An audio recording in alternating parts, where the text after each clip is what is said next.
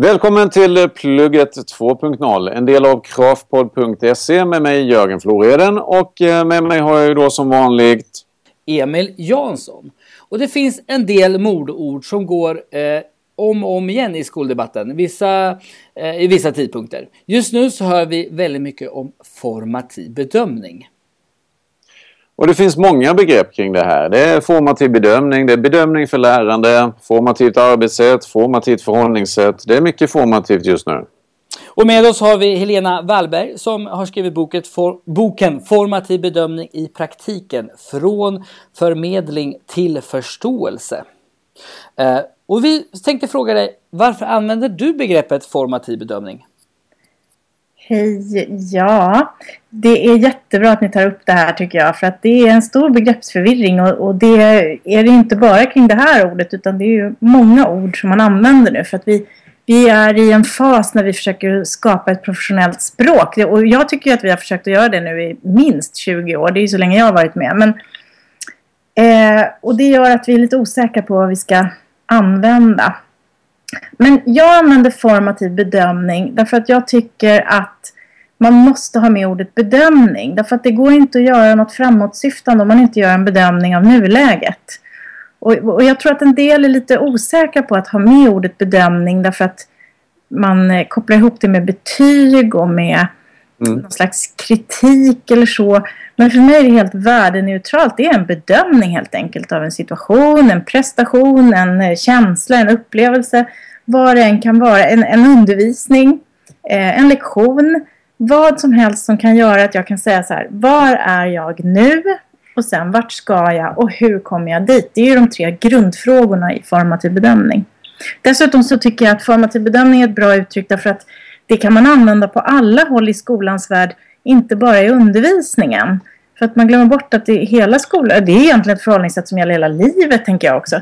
Jag menar i elevhälsan som jag jobbar i då, då kan man ju också använda formativ bedömning. Vad är vi nu? Vad är nästa steg? Hur kommer vi dit? I en utredningsfas till exempel eller i ett arbete med ett arbetslag, ja vad det nu kan vara. Mm. Hur kan en bra formativ bedömning i eh, undervisningen se ut Helena? Eh, den allra viktigaste, jag måste bara säga en sak till apropå varför jag använder begreppet. Det är också så att Skolverket använder formativ bedömning och bedömning för lärande och då tycker jag att det är viktigt att vi använder de begreppen också. Och en bra formativ bedömning i klassrummet är ju framförallt att man tar in information från eleverna om hur undervisningen fungerar för att sedan forma undervisningen. Det är det allra viktigaste. Skulle jag säga. Det är grunden. Mm. Mm. Man, man, man hör ju ofta många som säger så när man beskriver formativ bedömning så är det många som säger så här, så här har jag alltid gjort. Mm. Kom, kommer något nytt. Vad, tänker du kring det? Ja, men jag tror att det är så. Och jag menar, det, det var ju några år innan jag förstod att det var formativ bedömning jag höll på med också. Därför att just att vi inte haft det här språket för det. Men jag tror också att det som är nytt är det som John Hattie säger att det är synligt lärande. Att vi liksom synliggör det på ett annat sätt. Eh, jag hade länge listor på elevers resultat som inte eleverna hade tillgång till. Och det tror jag jag delar med jättemånga så att man, man visar upp det. För det var inga hemligheter. Men jag tror att det är den digitala tekniken faktiskt som har gjort det ännu mer möjligt att synliggöra, tydliggöra och, och föra den här bedömningen, använda den i en dialog med elever. Mm. Eh, man kan ju se det som så att den formativa bedömningen har ju två aspekter. Det ena är ju att eh, ge eleven en feedback för att föra elevens lärande framåt. Mm. Och sen är det ju att eh, ge läraren information då om eh, var man befinner sig i undervisningen och vilka steg man ska ta en, en, härnäst då. Mm. Eh, vi, vi, upplever mycket när man tittar på det att det, det är mycket prat om det första perspektivet, alltså elevperspektivet och mindre av det här som du lyfte fram tidigare Helena. Upplever du detsamma eller? Absolut. Det gör jag och det är lite synd tycker jag för att den här delen med elevers prestationer den, den går inte att um, den blir inte så effektiv om man inte också gör det andra. Så att jag funderar över min undervisning. Det hänger ihop lite med det här mm vi pratade ju förut om specialpedagogiska perspektivet. Att man intresserar sig någonstans för vilka situationer som fungerar för elever och vilka som inte gör det. Så att det blir ett sätt att modellera undervisningen, en formativ bedömning. Men sen tycker jag också att det som vi har fastnat i på många håll det är att formativ bedömning är att man noterar prestationer i en matris. Och det där är ju väldigt olyckligt. Därför att mm. å ena sidan synliggör man, å andra sidan så har ju det här skapat en enorm stress hos både elever och lärare. Och att, jag tror ibland att Undrar om det är det man upplever som den här administrationsbördan. För att det, mm. Och det är ju väldigt synd. Alltså att det blir någon slags seriell summativ bedömning snarare än en formativ bedömning. Ja, för jag tänker på en sak som du sa när du var här i Örebro så sa du en rätt så bra grej. du, du, du, du, du hade det här att man eh, du, du la, nu kommer jag inte ihåg exakt hur du sa det, men du la väldigt mycket på fokus på vad ska eleven med informationen till? Ja. Eh, och det är en jättebra fråga för jag känner ibland så här att när man läser mat olika matrisformuleringar, um, man kan till och med läsa uh, vissa typer av ämnesplaner, så funderar man lite för är de här, de här är ju inte skrivna för eleverna för det är sånt språk som ibland är väldigt konstig mm. om man ska säga. Och det, det är ju, eh, jag vet inte vad jag får för fråga men jag tycker det är en jättebra sak att säga. Ja, men jag, jag, är jätteglad att du tar upp det, för jag tycker det är lite grann i kärnan. Så här, vad ska jag göra med informationen? Och det är både... Mm. här tycker jag att det finns enorma vinster. Alltså alla klagar över hur, hur lite tid man har. Men om man hela tiden mm. ställer sig frågan, vad ska jag göra med den här informationen? Om man inte vet det, då kan man ju lika gärna strunta i det. Alltså gå vidare och göra någonting annat. Ehm, jag har en son som får väldigt mycket återkoppling på sina arbeten i skolan. Han går i nian. Och eh, han, eh, vad ska jag säga, han, han, får återkoppling som dels utgår från det här språket som du pratar om Emil, som ju är egentligen ett professionellt språk för oss lärare. Det är vi som framförallt ska veta vad menas med nyanserad och välgrundad och allt det här. och dels så, så får han eh, återkoppling som han inte kan använda på något sätt. Utan han ska gå vidare till nästa uppgift och, och liksom förväntas själv då föra över Eh, vilket är väldigt abstrakt alltså. Att du borde ha tänkt på att vara mer tydlig kring det här. Det, det blir inte mm. användbart för honom.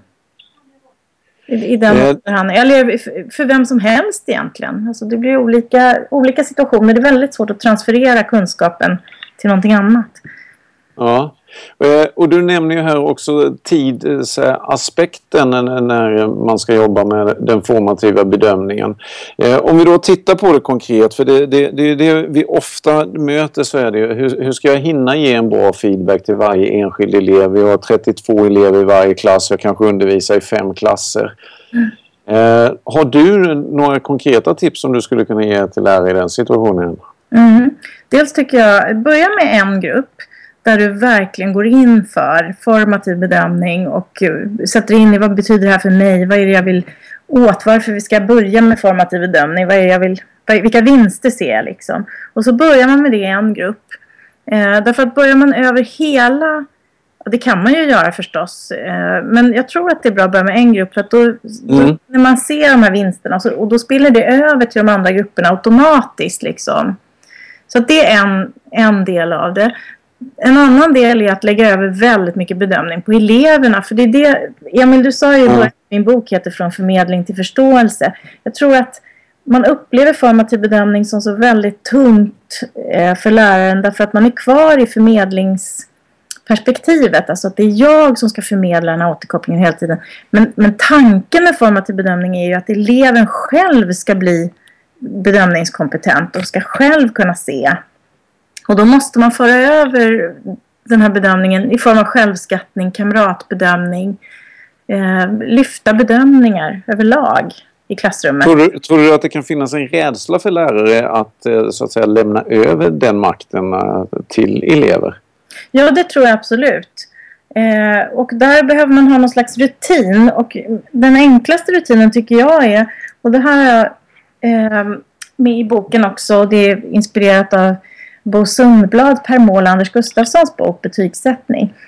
Alltså att de har, och de är inte ensamma om det på något sätt, men det är en bra bok som jag kan rekommendera.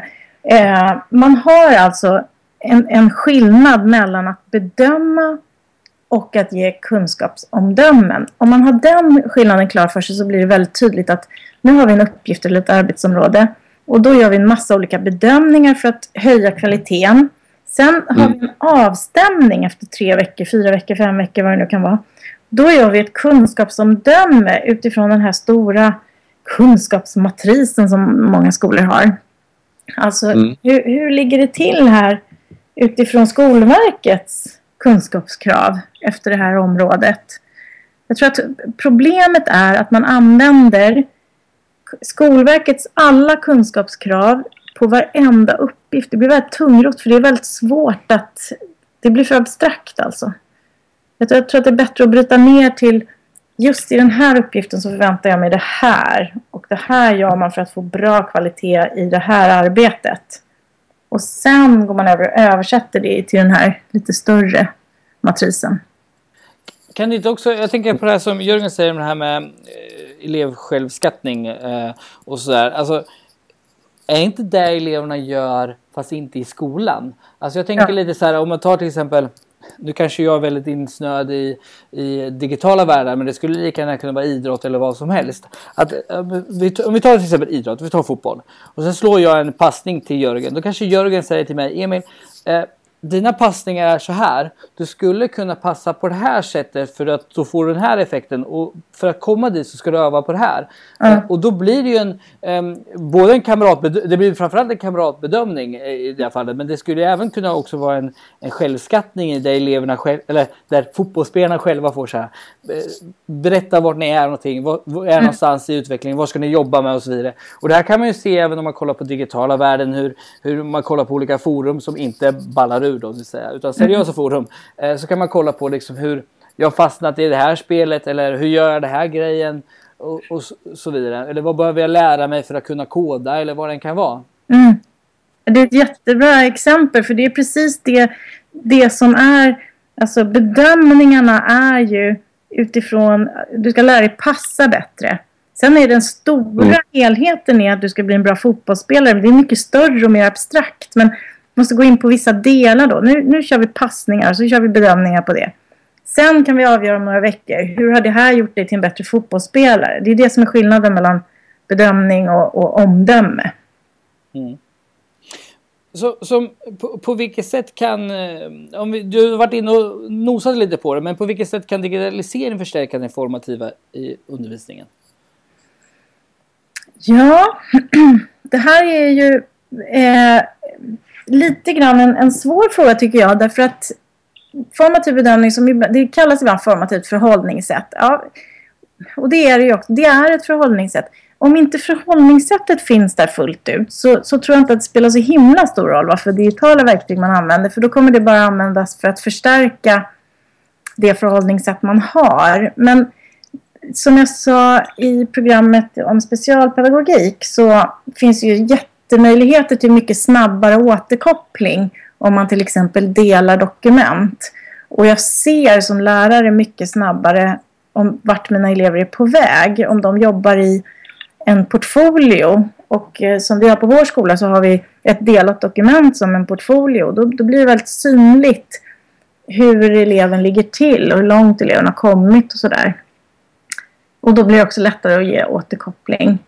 Um, Ja, det finns ju mycket digitala plattformar också med de här just matriserna. Och, och, å ena sidan så kan ju det tydliggöra, å andra sidan kan det ju bli väldigt krångligt alltså att sitta och fylla i de här röda, gröna och gula plupparna. Så att, eh, det här är, jag tycker att det här är lite grann en knäckfråga. Jag, jag är inte säker på att den digitala världen i sig underlättar formativ bedömning om inte man är där ändå. Liksom. Förstår ni vad jag menar? Ja. Mm det, det, det, kan försvåra. För det kan ju bli också att man liksom gör såna här grejer som man använder fruit machine istället för att eleverna ska räcka upp händerna. Det vill säga en maskin som slumpmässigt mm. tar fram namn som får svara på frågor. Då. Eh, det, och, och, har man inte förhållningssättet eller en bra, ett bra klimat i klassrummet kan ju det förstöra jättemycket. Till exempel. Det. Mm. Um, vi gör så här att vi rundar av avsnittet här och sen så eh, tänkte vi så här att den, den, avslutande frågan. Vi har en fråga på lager eh, nu Helena, men eh, om du vill, skulle du vilja ställa någon avslutande fråga till lyssnarna? Eh, oj. Ehm, jag, jag tänker så här självskattningsmässigt. Då skulle jag vilja ställa frågan till alla lyssnare. Vad skulle du vinna på att fördjupa dig ännu mer i formativ bedömning och effektiv återkoppling? Om alla funderar på det. Det kanske det blir intressant. Fantastiskt bra fråga. Jättebra fråga. Ja. Och den gör man ju som vanligt. Man mejlar till plugget at craftpower.se. Eh, två till tre minuter mp3 och ja, så kommer vi ha med det i något avsnitt framöver. Kul. Eh, mm. Tack så jättemycket Helena. Tack själva. Tack, tack Helena. Kul att vara med.